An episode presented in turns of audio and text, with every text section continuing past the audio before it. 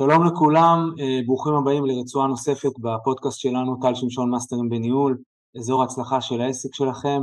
אה, אנחנו בעוד אה, רצועה שאני מקווה שתעזור לכם גם מנטלית וגם עסקית, גם בימים לא פשוטים, ימי חירום כאלה ואחרים וגם בשגרה שלכם, והיום אני מארח מישהו שהוא ברשימת החברים שלי, דוקטור יניב זייד, בשבילי הוא יניב, יניב, קודם כל וולקאם, אני מאוד מאוד שמח שפינית את הזמן ו...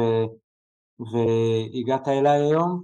אה, אני אגיד לכם, אספר לכם לפני כל, אתם יודעים, לפני כל ההגדרות הפורמליות וכן הלאה, בסוף אני מכיר את יניב הרבה שנים, אני מסתכל על הפעילות שלו, ויניב, אתה עושה דברים מאוד מאוד יפים בדרך שלך, הפרימיומית, האלגנטית, אה, זה מעורר השראה וזה כיף לראות ו... ו... ולדעת. אז וולקאם קודם כל, ברוך הבא. תודה רבה טל, כיף להיות כאן וזכות גדולה בשבילי להקליט איתך פרק.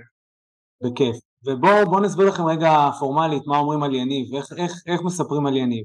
אז יניב הוא קודם כל הוא דוקטור, דוקטור שכנוע, מומחה בינלאומי לשכנוע, מכירות, ניהול משא ומתן והעברת מסרים. אה, חיבר עד היום, כמה אתם אומרים? כמה ספרים הבן אדם חיבר? שישה, שבעה, שמונה, תשעה, אחת עשרה רבי מכר עברית ואנגלית, ביניהם המפורסמים זה שכנעת אותי לדבר, לדבר בפני קהל ואחרים, מוכר גם למי שעוסק בתחומים שלנו וגם בכלל הקהילות אה, הרחבות, ארץ, חו"ל, תכף נדבר על זה עם, עם, עם יניב, אבל אתה יודע מה יניב, אה, איך, בוא נתחיל בזה, איך נולד הכינוי הזה דוקטור שכנוע? דוקטור שכנוע, אז קודם כל אני באמת דוקטור, דוקטור למשפטים, כתבתי דוקטורט על אה, איך לשכנע שופטים בעידן האינטרנט, דוקטורט במשפטים. וזה התחיל בזה ש... ראיתי לפני הרבה הרבה שנים, בסביבות 2008 ראיתי אה, איזה סרט שנקרא הנוקמים של מארוול והיה שם איזה, איזה גיבור על שנקרא דוקטור מנהטן, דוקטור מנהטן זה, זה מישהו, איזה כימאי שהוא באמת היה דוקטור והייתה לו איזה תקלה במעבדה ואז, אה, ואז הוא נהיה, נהיה איזה גיבור על עם כוחות על ואז ככה שראיתי את זה הייתי בזמן כתיבת הדוקטורט ואמרתי וואלה דוקטור persuasion, persuasion זה שכנוע באנגלית, נורא נדלקתי על זה, ישר קניתי את הדומיין של דוקטור פרסוויישן דוט קום שעד היום זה האתר שלי באנגלית, אה, להפתעתי הוא היה פנוי וכמה שנים אחרי זה בעצם הכנתי את הכל, את הקרקע, וב-2011 הוסמכתי רשמי דוקטור בגיל 32, ואז, אה, ואז בעצם התחלתי רשמית את המותג דוקטור שכנוע, שזה בעצם, כמו שאתה אמרת, לתת אה, שירותי ייעוץ, הרצאות, הדרכות, סדנאות, אה, קורסים, איך לשכנע אנשים, איך להגדיל הכנסות, איך לבסס אוטוריטה מקצועית, איך לכתוב ספרים ולהרצות, ואיך לקדם את הפעילות העסקית המקצועית, וזהו, ואני הייתי דוקטור שכנוע לפני שהייתי דוקטור שכנוע, אבל הדוקטורט זה על סמך זה. יפה. ויניב עושה עבודה יפה בכל המדיות ויודע להביא אנשים וזה כיף לראות אותך מהצד, באמת יניב, ואני מת על אנשים שמצליחים, בכל הכבוד. תודה אה, רבה. אגב, הדדי לגמרי, אני גם אה, עוקב אחריך ואתה יודע, הקשר אה, ככה און ועוף, אז אני טס הרבה וכשטס באלעל, לא טס הרבה באלעל, אבל כשאני טס באלעל אז אני תמיד רואה את הסרטונים שלך שם באלעל ותמיד מסמס לך, הנה אתה, ראיתי אותך איזה יופי וכל הכבוד. תודה, תודה, אנחנו בדיוק חגגנו, עברנו את המיליון צפיות שם, אז מדהים. קיבלנו חותם, תו תקן ש, שזה עובד, גם יש אה, שיתוף פעולה מדהים אה, עם אל על. אנחנו משתדלים עם גופים כמו אל על, כמו בנק הפועלים, לעשות דברים גדולים, להשפיע על הרבה אנשים. בסוף אנחנו בשליחות וזה ממש מביא אותי לדבר הבא.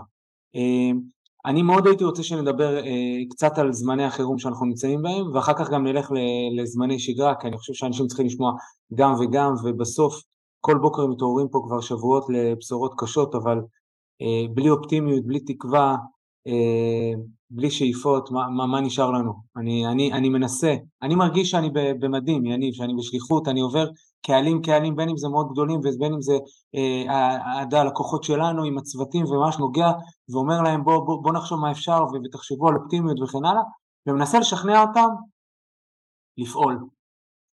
דווקא בחירום צריך לפעול. אני שואל אותך כדוקטור, כדוקטור שכנוע, איך משכנעים את האנשים לעשות פעולות בימים מטורפים כאלו? יפה, אז קודם כל באמת זה לא פשוט, אנחנו חווים תקופה, אתה יודע, אנחנו מצלמים את זה בזמן המלחמה, לא יודע לקרוא לזה מלחמת עזה ה-18, או מלחמת כן. העולם השלישית, או כאלה, לא, לא יודעים לאן זה הולך, אף אחד לא יודע לאן זה הולך, והערכה שלי... 23, כן.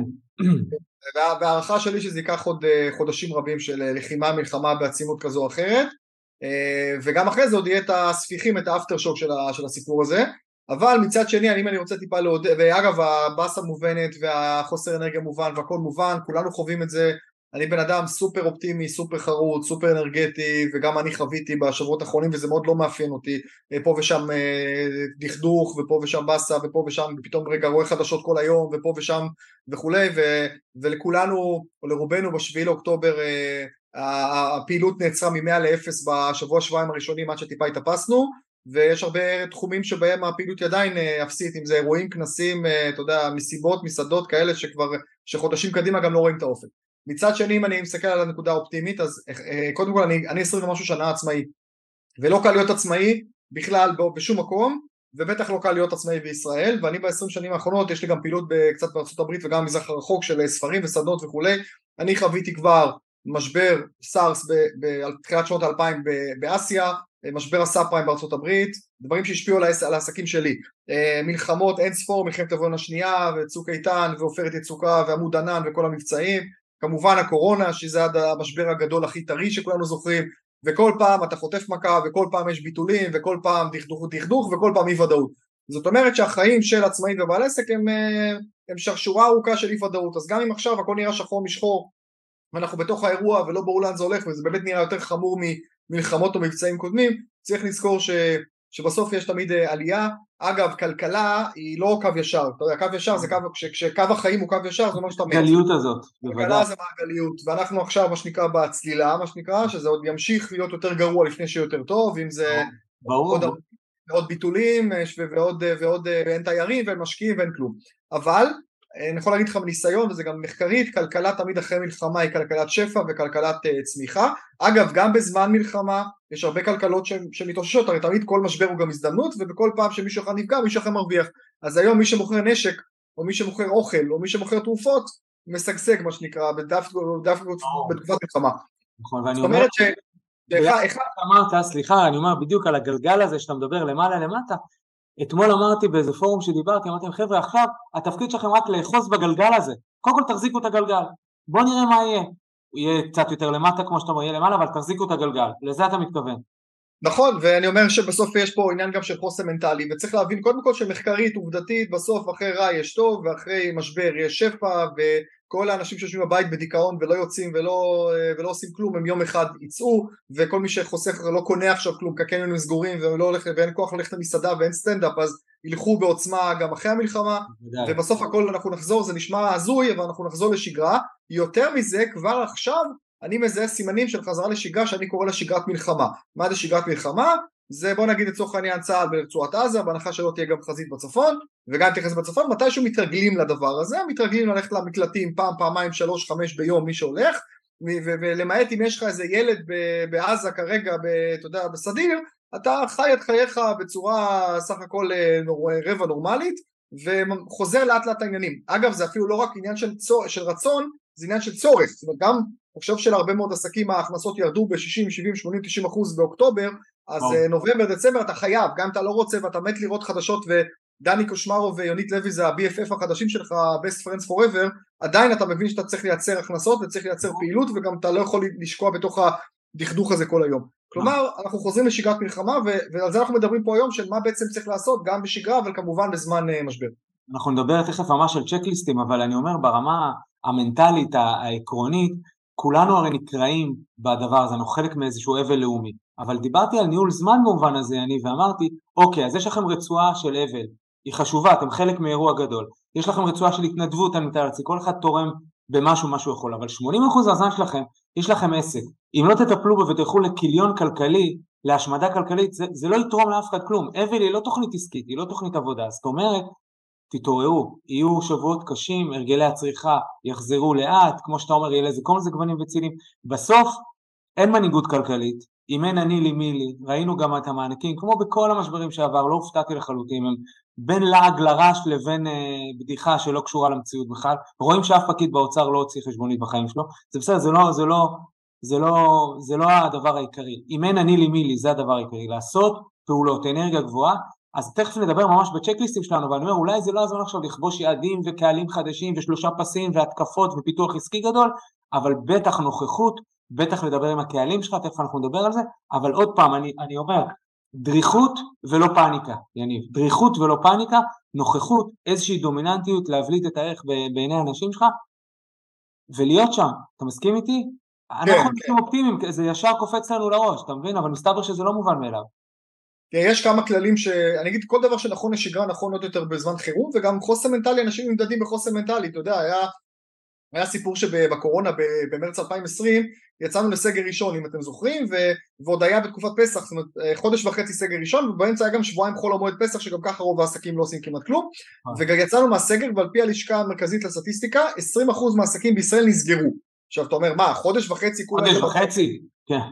ונסגרת, מה זה אומר? זה אומר שעסקים ש, שחיו על הקשקש, מה שנקרא, גם ככה היו בחובות, וגם ככה היו בלי דאטה של לקוחות, ובלי חוסן מנטלי, ובלי עובדים קבועים, ובלי בלי בלי, בום, רק היו צריכים את הפוש הקטן הזה, אתה יודע, זה כמו, אני קראתי לזה עסק עם מחלות רקע ועסק בלי מחלות רקע בזמנו, כי גם קורונה שתוקפת גוף, ממש. אם אתה גוף בריא, אז אתה, זה קצת כמו שפעת, אתה במקרה הטוב אה, אסימפטומטי, במקרה הטוב הרע אתה קצת אה, חולה איזה כמה ימים. אם אתה כבר גם עם אה, עודף משקל וסרטן ומחלת ריאות וכאלה, ויש לך קורונה, אז הקורונה נותנת לך את הפוש, ואז כתבו שאתה מת מקורונה, אתה בעצם מת מעוד 17 דברים אחרים. זאת אומרת שגם פה עכשיו, אני אומר, אנחנו בתקופה שיש חודש באוקטובר שלרוב המשק נמחקו כמעט לגמרי הכנסות, או נמחקה הפעילות, או בוטלו אירועים, וכולנו חווינו את זה וזה נוראי. אגב, אני אומר גם ברמה האישית, זה כאב מאוד גדול, אתה יודע טל כמה כמוני כמה קשה לסגור סדנאות, לסגור פעילות, לסגור כנס, בטח עם חברות וארגונים שאתה חתימות ורכש והצעות מחיר וסיפורים, ואז אתה סוגר סוף סוף, ואז הביטול בשנייה, כאילו בשנייה מקבל כל שעתיים וואטסאפ בשמינית תשיעי עשירי לאוקטובר, שגם עשירי לאוקטובר זה היום הולדת שלי, אז בכלל חגגתי אותו עם יחי סינואר במקלט, אז וב-12 לעשירי יום הנישואים שלי, אז גם אותו חגגתי במקלט, אז מה שנקרא אתה רואה ממש כל שעתיים ביטול, לא לצערנו מן הסתם האירועים עוד שבוע לא יתקיים האירוע, עוד שבועיים לא יתקיים הכנס ו- וזה, וזה כואב, באמת זה כואב. ו- ואתה, ו- ולכן זו תקופה שאני אומר שבסופו של דבר אנחנו כרגע עוברים, אני, אני קורא לזה משלב הבלימה והמזעור נזקים לשלב הלאט לאט לחשוב על התקפה ולחשוב מה כן עושים אבל אם בזמן שגרה ואמרת יפה צריך להיות בקשר עם הקהילה גם בזמן חירום צריך להיות בקשר עם הקהילה ואפילו יותר בקשר עם הקהילה. כי אנשים בסוף מחפשים אתכם, אנשים צריכים אתכם, בעיקר אחרי הימים הראשונים וההלם הראשונים, אתה יודע, אנשים אה, רואים חדשות, נמאס להם לראות חדשות, מחפשים גם תוכן מקצועי, מחפשים לדעת גם מה, מה, מה אנשים אחרים חושבים, אנשי מקצוע, מנטורים, אם זה מטפלים רגשיים, אם זה מתווכים, אם זה בנקאים, לא משנה, מה, מה הם אומרים על המצב ברמה המקצועית, מחפשים תוכן איכותי, ואם עכשיו אנחנו נעלמים להם לחודש, חודשיים, שלושה, ועוד שוב, זה לגיטימי ברמה האישית להיעלם, להיות, להיות בדיכאון וכל מיני חדשות, בסדר?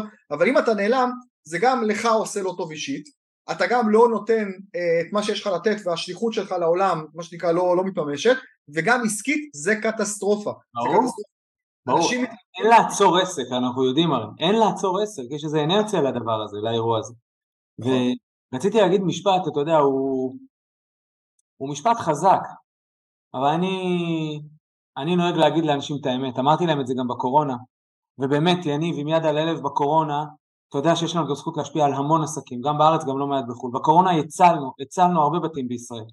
ואמרתי להם אז, זה זמן לחשבון נפש, ובינינו זה גם זמן עכשיו לחשבון נפש, זה מתחבר בדיוק למה שאמרת, מי שנכנס לפה צולע, רעב, וכבר כואב לו הגב, בקטנה של שבועיים וחודש כבר אין תזרים ואין לחיות. ככה לא מנהלים עסק בגדול, הרי יחידת רווח הפסד צריכה לדעת לשרוד איזושהי טלטלה.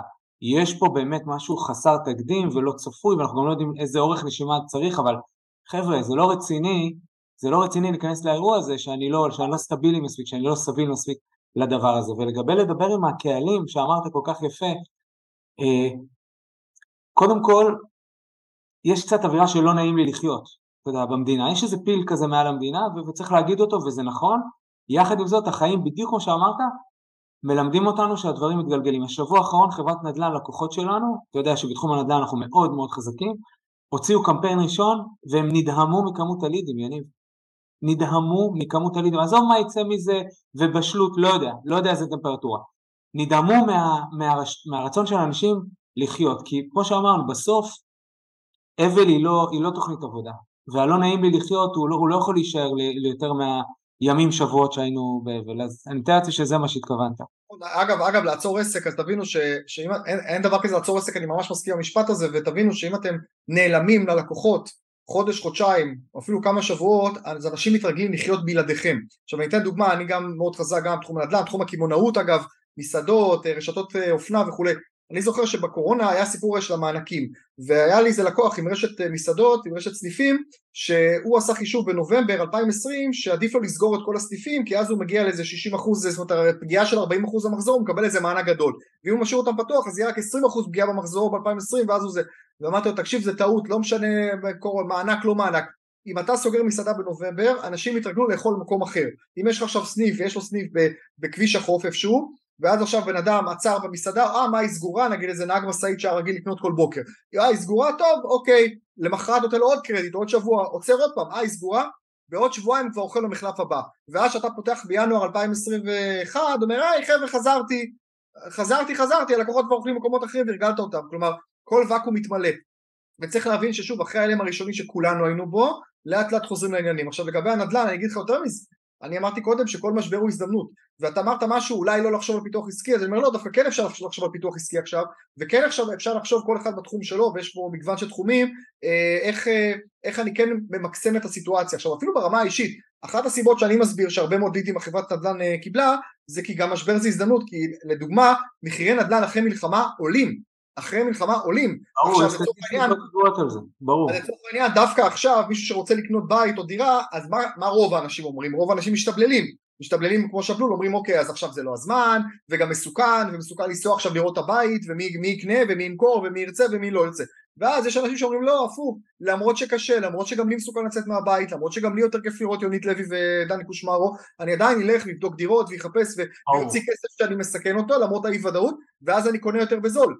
אוקיי? יש לי, יש לי חבר uh, שסיפר לי בזמנו שהיה את משבר התאומים, לא יודע אם זוכרים שהיה את אסון התאומים, דיברו על זה שמי ירצה לקנות דירות במגדלים גבוהים בניו יורק, כי דיברו על זה שכל הפנטהאוזים וכאלה זה, זה הכי סיכון, הרי מטוסים התעקשו בבניינים והם נפלו, אמרו כל משבר שקורה, שריפה הכי קטנה בקומה 2, ההוא בקומה 20 נשרף, אף אחד לא רוצה, ואז מישהו חבר שלי שלמד בזמנו ב-NYU בניו יורק, סיפר לי שהייתה לה סטודנטית, קולגה שלו, היו בני 27, הלכה קנתה איזה פנטאוז ומישהו שרק יצא למכור דחוף באיזה סכום, איזה 100 אלף דולר, משהו הזיה לגמרי, שהסכום הזה קפץ כעבור כמה שנים פי איזה חמש, בסדר? אז, אז זה מסוג הדברים שדווקא שכולם בורחים ונמנעים, אתם צריכים להיות אלה שיוזמים. ברור. חיפוש הזדמנות אני איתך לגמרי, שאני דיברתי על פיתוח עסקי, דיברתי על פיתוח עסקי קלאסי, אתה יודע שזה לא בדיוק הזמן עכשיו להקיא לקהלים חדשים, מוצרים שלי וכאלה, אולי ניתן לזה קצת קצת להתגלגל, אבל בטח שיש תמיד הזדמנויות, ואגב, גם בקורונה, מי שהיה לו מנוע חיפוש חזק, אה, והסתכל על השווקים והצטייד בכסף, אחר כך קנה את המתחרים שלו, יש לי כמה וכמה, זה case study מעניינים לדבר עליהם בהזדמנות אחרת, אבל יש כמה וכמה אה, שעשו את זה, ואני אומר, במובן שאתה מתכוון, דברו עם הקהלים שלכם, דברו עם הסושיאל, עם האנשים האוהדים שלכם, דברו עם הרשימות תפוצה שלכם, דברו אותו מתווך, בוא, אנחנו עובדים באמת עם, כמעט עם כל רשתות התיווך הגדולות, אותו מתווך, דבר עם בעלי הנכסים שנתנו לך את הנכסים, כי הם מצפים שגם בימים כאלה אתה תעשה את העבודה, בסוף גם אם הנדל"ן ירד מ-100 ל-30, את ה-30 האלה צריך לתפעל, אנשים יורשים, מתגרשים, זזים, התחייבו, חתמו חוזים לפני המלחמה, הם מצפים שהמתווך יעבוד, תהיה בקשר רגע עם, עם המוכרים, קונים, היו אנשים במעגלי תקשורת איתך, אולי זה לא הזמן עכשיו לעוף אנשים שלא יודעים מי אתה ומה המותג שלך, ואנשים שתקשרו איתך ומחפשים הזדמנויות, בדיוק כמו שאתה אמרת יניב, ההוא שיש לו מנוע חיפוש חזק מחפש עכשיו אה, דירות במקום שאולי אה, לדעתו אחר כך אה, יעלו, תהיו רלוונטיים, בסוף אתם יכולים לקחת את העסקאות שיש עכשיו, ובעיקר להיות רלוונטיים ביום של אחרי ולמצוא את עצמכם עם 130% פלח שוק ממה שהיה לכם. אני יכול לתת לכם הוכחות מהקורונה שזה מה שקרה לאנשים שהיו פעילים. נכון, יש, שוב, הכל פה מבוסס גם, גם מחקרים וגם ניסיון אה, של שנינו, תראה, יש דבר שנקרא כלכלת מלחמה, כלכלת מלחמה זה שכל פעם שיש מלחמה קורים שני דברים, שתי תופעות, אחד, שופכים המון כסף על הציבור, תחשוב גם עכשיו, תרומות, כן. גם תרומות מחו"ל, והמדינה זורקת כספים, וזה עכשיו עוד פעם, זה הולך בעיקר, עזוב רגע מענקים וכאלה שלא יודע אם כן יגיעו לא יגיעו, אבל על נשק ועל תרופות ועל מזון ועל מלונאות, המלונות שאין להם תיירים אבל מארחים את, ה, את המפונים וכולי, כן? נכון. המדינה פינתה 150 אלף איש בצורה רשמית וצריכה לדאוג להם לפתרונות, כלומר שופכים המון כסף, דבר שני שקורה בזמן מלחמה זה מזרזים תהליכים, כל מיני תהליכים, ראינו את זה גם בקורונה שה... שה-FDA אישר אה, תרופת קורונה תוך כמה חודשים במקום כמה שנים, כן? אבל כל אה, רגולציה וכל דבר כזה, עכשיו הרי אנחנו רואים את זה עם הרישוי, רישוי נשק. אגב, שוק האקדחים קפץ בעשרות אחוזים. זה מטורף, כן. עלה בעשרות, אם מי שבכלל מצליח להשיג אקדח בימים אלה, עלה בעשרות אחוזים מאשר לפני חודש. כלומר, יש פה קטע שיש פה כלכלות ש, שקופצות. אז כלכלת מלחמה היא כזאת, וצריך להבין, מקצרים הליכים, וכמובן, כמו שאמרנו, כלכלת אחרי מלחמה, שאז בבת אחת יש שפע ושגשוג, כולל אגב באזורי העוטף, באזורי הגבול עם הצפון, אה, זה קרה בכל מלחמה, שדווקא אזורים כאלה זה נשמע הזוי להגיד עכשיו שיישובים נחרבו אבל משגשגים כי בונים אותם מחדש כי יש תיירות אחרי מלחמה אנשים באים לראות איפה כל המקומות האלה ש, ש, ש, שכתבו עליהם שראיתי אותם בטלוויזיה. אנשים באים לתמוך באזור הזה אנשים קונים דווקא מהאזור הזה. ראית דפוס בארי עכשיו קיבל הזמנות לדעתי שהוא לא קיבל עשר שנים מכל כל מי שעוד מזמין בית דפוס אמרו לכו תזמינו בדפוס בארי. כלומר יש פה המון המון הזדמנויות למי שמחפש ולגבי פיתוח עסקי עוד מילה מבחינתי פיתוח עסקי זה גם לעבוד על תשתיות זאת אומרת דווקא אם התפנה יומן ודווקא אם יש ביטולים אז זה זמן טוב לעשות את כל הדברים האלה שבשוטף תמיד השוטף שוטף אתכם ואין לכם זמן נגיד לשפץ את המשרד, לשפץ את החנות, לבנות דף נחיתה חדש באינטרנט סרטונים? מה? סרטונים? כן, לעשות, לעשות סרטונים, לייצר תכנים, לכתוב ספר, אתה יודע, אני גם סופר ומלווה סופרים גם בחו"ל ואני תמיד אומר יוצרים תפקידם ליצור כלומר קח יוצר שים אותו עכשיו סגרת לו את הפעילות את היומן שים אותו בבית מה הוא יעשה? הוא ייצור. היה גם שוב אנחנו כשנשמע לקורונה במרץ במאי 2020 אחרי חודש וחצי סגר היה בייבי בום של יצירות. אתה יודע אני עובד עם הוצאות לאור גדולות גם בארץ גם בחו"ל. כולם סיפרו לי פתאום כל הסופרים שלא גמרו את הספרים פתאום כל מיני אנשים גמרו יש לי פה ספר בואו תוציאו לי. נהיה בום גדול כי אנשים ישבו כתבו השלימו את התכנים שלהם והכל זאת אומרת דפי נחיתה, אינטרנט, לקנות דברים, אה, לסדר דברים בעסק, תיוקים שרציתם לעשות, אתה יודע, לאסוף דאטה של הלקוחות, לסדר אותו, למיין אותו, כל הדברים האלה, גם אם לא יוצאים להתקפה עדיין, כבר כל הדברים האלה זה הזדמנות מעולה לעשות את כל הדברים האלה. ברור. לשדרג את, ה, את ההודות שלכם ברשתות חברתיות, אתה יודע, פתאום אתה רואה שיש לך איזה פייסבוק או לינקדאין עם איזה הודות שכתבת כשפתחת אותו לפני עשר שנים הוא כבר לא מעודכן. כל מיני דברים קטנים כאלה שאתה מבין בכלל יש לו זמן עליהם ביום יום, תעשו אותם עכשיו. נכון, ומעבר לפעולות, אתה יודע, ההישרדותיות של אה, לדאוג לתזרים שלך, תכף נדבר, תזרים מזומנים, שכל מי שמדבר את השפה שלי יודע שתמיד אני צועק שעסקים אה, נופלים על תזרים ולא על רווח והפסד. בטח אה, מפה תזרימית ומה שאנחנו אומרים איזושהי מפה שיווקית וכן הלאה, אבל בוא תשאל את עצמך גם קצת שאלות אסטרטגיות.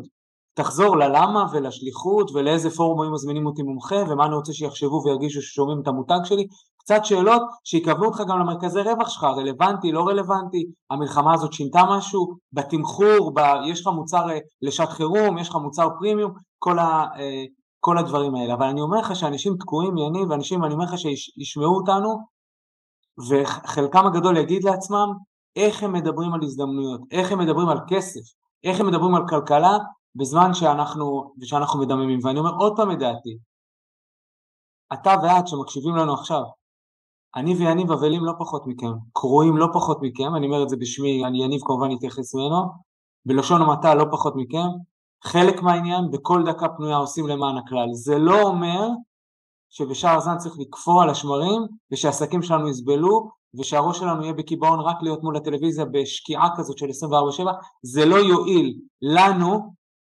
לנו כמי שמשפיעים הרבה על SMB ואתם כמי שבעלים של small medium business, יניב יש לזה נטייה להגיע להמון אנשים לפודקאסטים האלה, אז אני, לכן אני אומר להם את זה.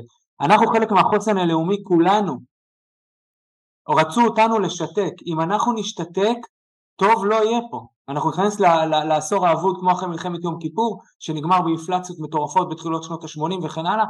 אני רוצה תהליכים כמו שיניב ואני מתארים, של לאט לאט לצד הדימום ולהחזיק אצבעות לכוחות הביטחון ואת כל עניין החטופים שהוא לא נתפס, שאנחנו באירוע לא נתפס, חסר תקדים, יחד עם זה להפנות המבט פנימה, להתייעץ עם האנשים הנכונים ולחפש תקומה, תקומה, תקווה, אופטימיות. אתה מסכים יניב? מסכים מאוד ואני רגע אשתף רגע דקה ברמה האישית מה עבר עליי בחודש האחרון רק כדי שתבינו שאני לא מכונה ולא רובוט ולא זה אז אני קודם כל באמת היה לי כמות ביטולים מטורפת שאני לא, לא, זוכר, לא זוכר מעולם ברמה של הפסד של עשרות אלפי שקלים כל שבוע, כל שבוע עשרות אלפי שקלים רק של פעילויות שבוטלו, לא, לא לקוחות חדשים שלא התקשרו ו, וספרים שלא נקנו בחנויות ו, ועוד כל מיני קורסים דיגיטליים שלא נקנו, רק ברמה של מה ביטלו לי כל שבוע כל שבוע אתה מדמם עשרות אלפי שקלים, מאוד מאוד כואב, הדברים שדיברנו קודם כמה קשה לסגור. בימים הראשונים שאחרי השביעי לאוקטובר, אני אומר לכם אני הייתי בדאון גם כי התפנה לי היומן, אני הייתי אמור להיות בחוץ כל היום, פתאום אתה כל היום בבית, רואה חדשות כמו כולם, מתעדכן המצב, וגם היה לי יום הולדת ביום נישואים, אז בכלל ממש נכנסתי לסוג של דאון, שזה פשוט לא אני, אני לא חוויתי את זה אף פעם.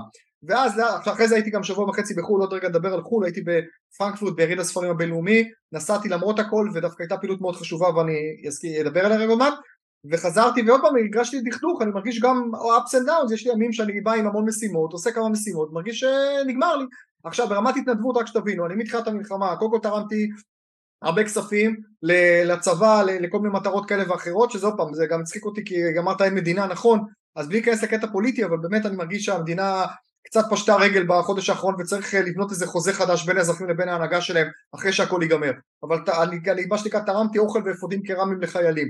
אני עוסק, עוסק בהסברה, אז אני בהתנדבות עסקתי בהסברה עשרות שעות, עשרות רבות של שעות מאז שהתחיל האירוע הזה, לייצר סרטונים, לשלוח סרטונים, שלחתי למאות לקוחות בחו"ל שלי וקולגות בכל מיני שפות, אה, חלק ממטה ההסברה האזרחי שמייצר סרטוני הסברה גם פה כי, כי הסברה של המדינה בשבועות הראשונים הייתה לא טובה. חוץ מזה אני בכיתת בכיתת כוננות של, ה, של השכונה שלי בתל אביב כי העירייה עודדה את השכונות לפתח כיתות כוננות כי לא בטוח שהמשטרה תגיע אם יקרה משהו אה, כבר דיברו על אפוקליפסה כל ערביי ישראל עלינו וכולם עלינו וכולם זה. וחוץ מזה אני מארח אצלי גם את המשפחה של משפחה שלנו מהצפון וגם חבר שהגיע במיוחד במילואים לעשות להיות מחו"ל. אז הוא בצו שמונה בקריה מבוקר עד לילה בתפקיד מאוד בכיר במודיעין חיל האוויר אז הוא גם אצלי, אצלי אה, בבית מתארח.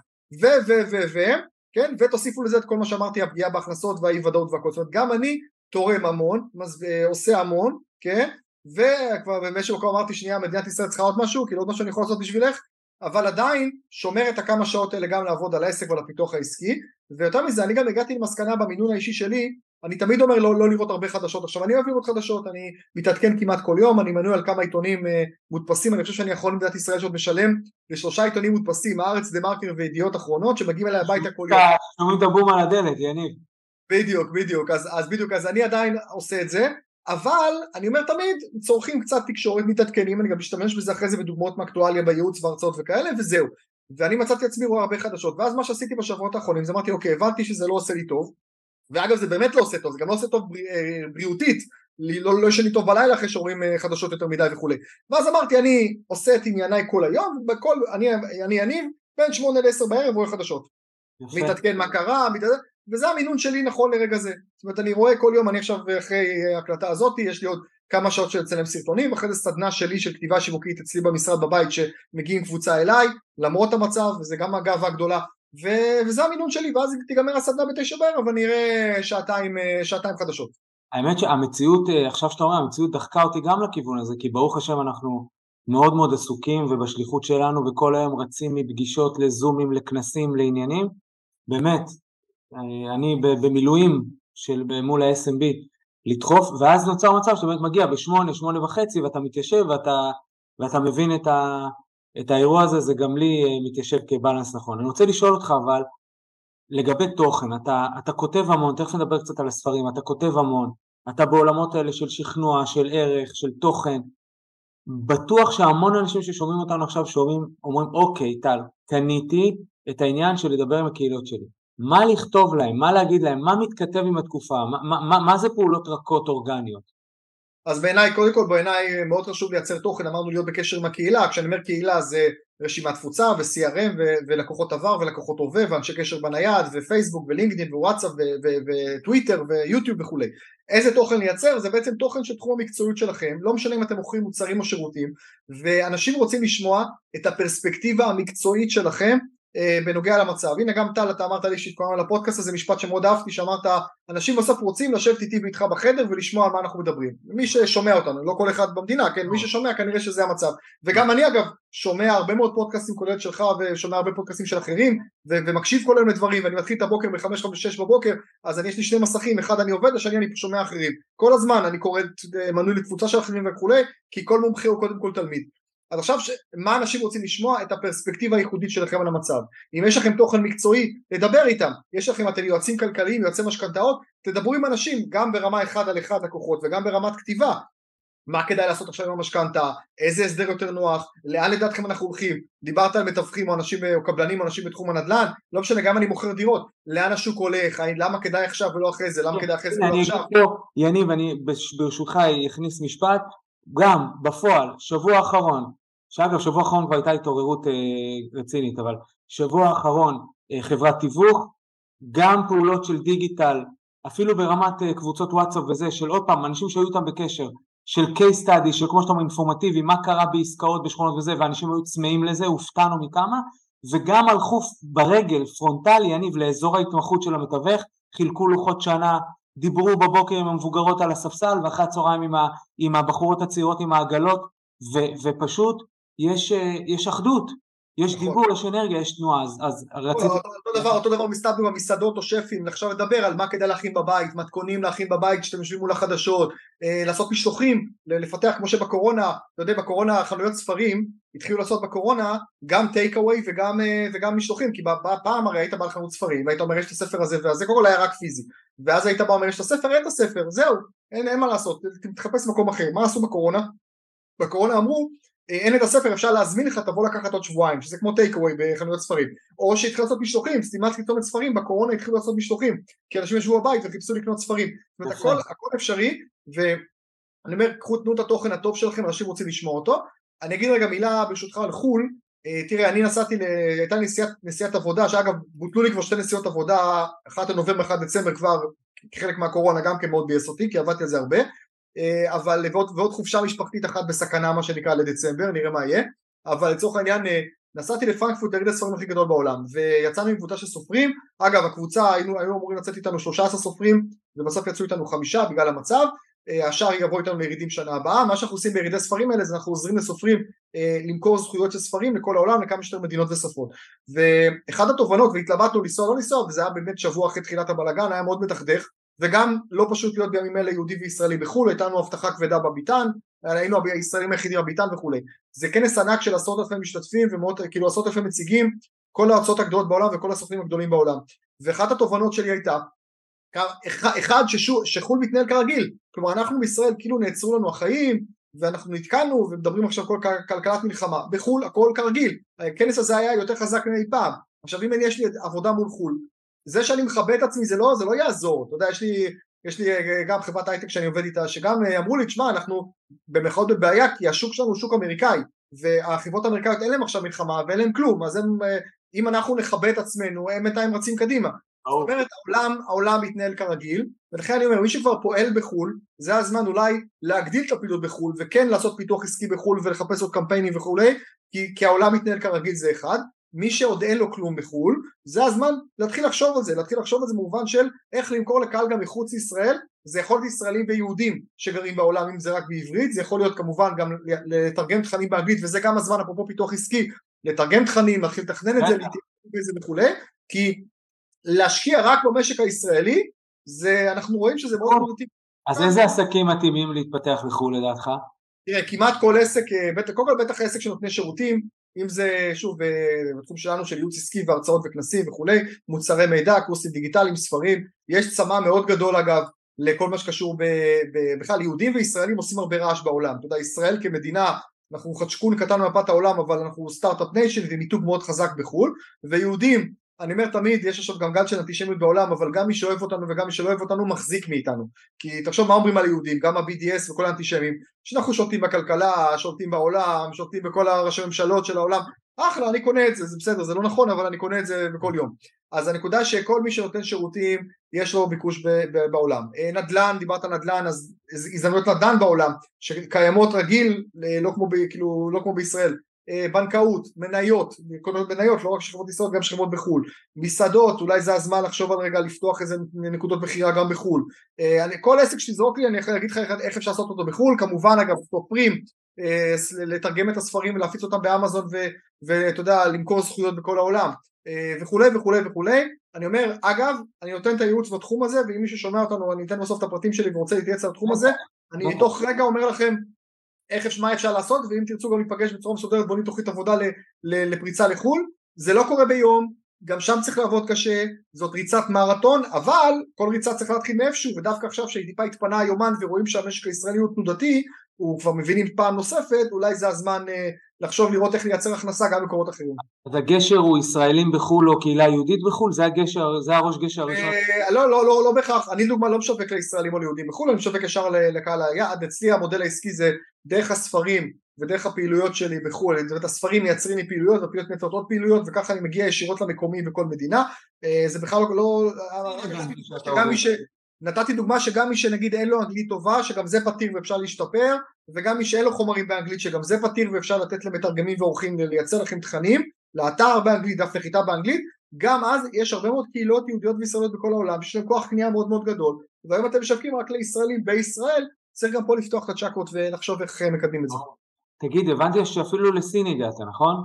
כן, יש לי פעילות כבר הרבה שנים בסין, כבר מאז 2005, כולל הסדנאות שם וייעוצים והספרים שלי יוצאים בסין ועוד פעם העולם גדול, דרך אגב אני יכול להגיד לכם שלדוגמה עכשיו מדברים על ציר הרשע, איראן, סין, רוסיה וכולי, אני חזרתי מסין רק לפני כמה חודשים, העם הסיני מת עלינו, אוהב אותנו, אתה יודע יש מדינות, לדוגמה בברזיל, העם מאוד אוהב אותנו וההנהגה שונאת אותנו, כן, ובסין זה הפוך, ההנהגה קצת בעיה, בעיה איתנו, או ברוסיה, אבל העם, העם מאוד אוהב אותנו, אז אני אומר שבסופו של דבר בסופו של דבר העולם הוא גדול, אתה יודע, גם כשאתה מדבר חו"ל אז תמיד אנשים חושבים עמק הסיליקון ויש לי סטארט-אפ, אפשר בוא למכור אותו שם, יש עולם גדול שם, יש אירופה, יש אסיה, יש אפריקה, יש מזרח רחוק, המון מקומות בעולם שמאוד מחזיקים מישראלים ויהודים, יש שם כסף טוב, וכשוב אמרנו הכלכלה זה תנודתית, אחד מרוויח אחד מפסיד, אז פה כרגע אנחנו בקיפאון, בואו נראה מה קורה במקומות אחרים. אז הספרים הם סוג של קדם, הם תחילת המשפך השיווקי שלך. אה, הספרים אני גם מרוויח עליהם כמובן, כי הם נמכרים טוב וקצב טוב, אבל גם הם סוג של, סוג של באמת במשפך השיווקי, שלב א', שלב ב' זה לבוא לקדם את הספרים, ושלב ג' זה לייצר לקוחות באותן מדינות, אבל זה שלי, זה הספרים שלי. אגב, מי שכתב ספר, או רוצה לכתוב ספר, גם דברו איתי כי אני יכול לעזור לכם איך, איך להפוך את זה באמת למשפך שיווקי בכל העולם, אבל אני אומר בכלל לא רק ספרים ולא רק קורסים דיגיטליים, כל מוצר וכל שירות שתיתנו, ואתם באמת רוצים להשקיע את הזמן, כסף ואנרגיה בחו"ל, זה עוד דרך לחשוב על זה. נגיד עוד מילה, דיברנו על חוסן מנטלי, זה גם נותן לך חזון ארוך טווח. כי כרגע אם אתה דווקא בסכלה הזה של הבעיה ובלאגן ומלחמה ומה יהיה מה יהיה מה יהיה, פתאום אתה מתחיל לתכנן תכנונים על חו"ל ותכנונים על איזה קמפיין בעוד כמה חודשים שיתחיל, זה נותן לך סיבה, בדיוק, זה נותן לך סיבה לקום בבוקר. נכון. אני אאסוף רגע את מה שדיברנו אה, עד עכשיו. דיברנו קודם כל על האווירה הכללית ו... היא שבגדול על, על האובייקטיב אני לא יכול להשפיע, אני יכול להשפיע על הסובייקטיב. אז בסובייקטיב גם לא לצפות שיעזרו לי, אני צריך לעשות פעולות, ואז התחלנו לדבר על איזה פעולות, דיברנו, אמרתי את זה אה, לא בצורה מספיק אה, אה, מודגשת, אז אני אגיד רגע עוד שלושה משפטים על זה. קודם כל תזרים מזומנים. כל עסק זה החמצן שלו להיות נזיל, אני מצפה שכל אחד יחזיק קובץ עכשיו לפחות של שלושה חודשים קדימה של הוצאות תזרימיות, לא הוצאות של דוח רווח הפסד, הוצאות אשכרה דימום מהחשבון בנק, כולל הלוואות, כולל מיסים, כל הכל, המנה החודשית שתעזוב את החשבון שלכם בכל אחד מהשלושה חודשים הקרובים, לצד תחזית הכנסות, ואם יש לי דלתא דפיציט שלילי, או שיש לי גלגלים רזרבי, מה שנקרא, חסכונות שלי, או שאני הולך לקנות כסף, בנקים, או עכשיו התחילו לדבר על כל מיני קרנות של המדינה, אני לא אכנס לזה פה, אני בכל הזמן מפרסם את זה, אבל תזרים מזומנים. שתיים, לדבר עם הקהילות שלי. תקראו לזה שיווק, תקראו לזה פיתוח עסקי, תקראו לזה רק להיות נוכח, כל אחד עם הגוונים והצבעים שלו. מה שאני ויניב אומרים, זה לא מתמטיקה חד-חד ערכית, יש פה הרבה עניין של בטן. מי שמרגיש לפני הפעולה השיווקית שהוא לא בטוח בה, תתייעצו. תתייעצו עם אנשים כמונו, פשוט יש לנו בנצ'מארק יותר רחב, אנחנו עובדים עם המון אנשים ואנחנו יודעים, אבל בגדול אנחנו אומרים מסימן קריאה, תפעלו. אורגנית מול הקהלים שכבר מכירים אתכם, בין אם זה אונליין, בין אם זה בשטח, מי שיכול, תעשו פעולות. דבר שלישי, דיברנו על התשתיות. בואו תתבוננו על התשתיות, תשדרגו אותם, תארגנו אותם וכן הלאה. בואכה תסתכלו על מרכזי הרווח בעסק שלכם, ממה אתם עושים כסף והאם עדיין הם רלוונטיים. בסוף בא יניב ואמר, קחו ממני באהבה, תתבוננו החוצה, תתבוננו לחו"ל, יש שם עולם שלם שהוא קצת יותר יציב, אה, קצת פחות פגיע אולי מאיתנו שכל שני וחמישי אה, יש פה משהו אחר, בטח בחודשים הקרובים, ויש דרך לעשות את זה, זה לא פשוט, אפשר באמצעות קהילה יהודית או ישראלים, אפשר לא, אפשר באמצעות ספרים, לא ספרים, הנה מצאנו למשל את אה, עבורכם את יניב, שזה אחת מהמומחיות שלו ואתם מוזמנים כמובן לעשות את זה איתו, כמובן שבצ'קליסט שלנו העסקי יש לנו ענייני גבייה, מלאי, אשראי, לא ניכנס לזה פה, אבל היה חשוב לי השיח הזה ואני רוצה לשאול אותך אה, משהו אחרון יניב, כי אני בטוח שאנשים ששומעים אותך כדוקטור שכנוע שואלים את עצמם, אני חי... זאת אומרת, רוצים שתתייחס לזה. דיברנו על מה להגיד ואיזה תוכן להעלות, אבל אנשים רוצים ש... להתייחס רגע לדבר הזה שקוראים לו מכירות. איך מוכרים עכשיו? איך אולי אפילו מגדילים מכירות עכשיו? אז אמרנו לתת ערך, להדהד את הערך שלי, לבנות top of mind בשווקים, כן. עוד דברים שיש לך בראש שאפשר להגיד? תראה, אני, אני אומר, אז אני אומר שברגע שאתה נמצא בקשר עם הקהילה שלך, אז נוצר engagement ויש תקשורת בינך לבינם. זאת אומרת, לצורך העניין העליתי פוסטים, אז, אז אנשים מגיבים לפוסטים האלה. עשינו עכשיו שידור, והשידור הזה הוא לא מכירתי, אנחנו לא מוכרים שם כלום, אבל אנחנו באים ואומרים בואו תהיו איתנו בקשר, עוד מעט תיתן את הפרטים שלנו, אז אנשים ייצרו קשר. עכשיו בואו נגיד שאת השידור הזה ישמעו, נעשה עבודה טובה, כמה אלפי אנשים, בחודש, חודשיים, שלושה הקרובים, בסדר? מתוך הכמה אלפים אלה, כמה עשרות יפנו בסדר, עכשיו יפנו לא בהכרח ל... אני רוצה פגישת ייעוץ או אני רוצה ליווי עסקי בוא תגייס את האשראי, יפנו. יש לי שאלה יניב, אותה לגבי משהו שאמרתם, אוקיי, אז כמה עשרות נדבר איתם?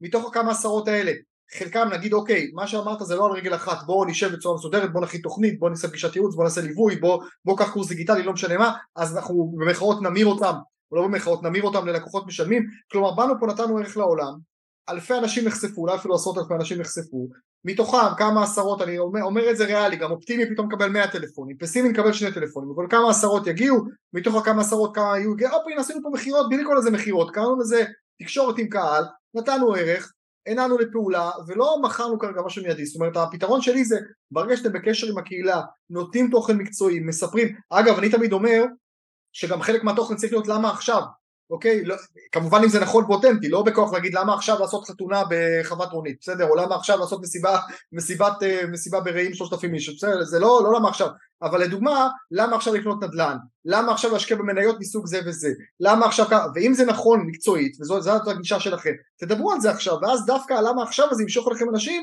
שחשבו להשתבלל וכולי, ובעצם אה, יתקדמו איתכם.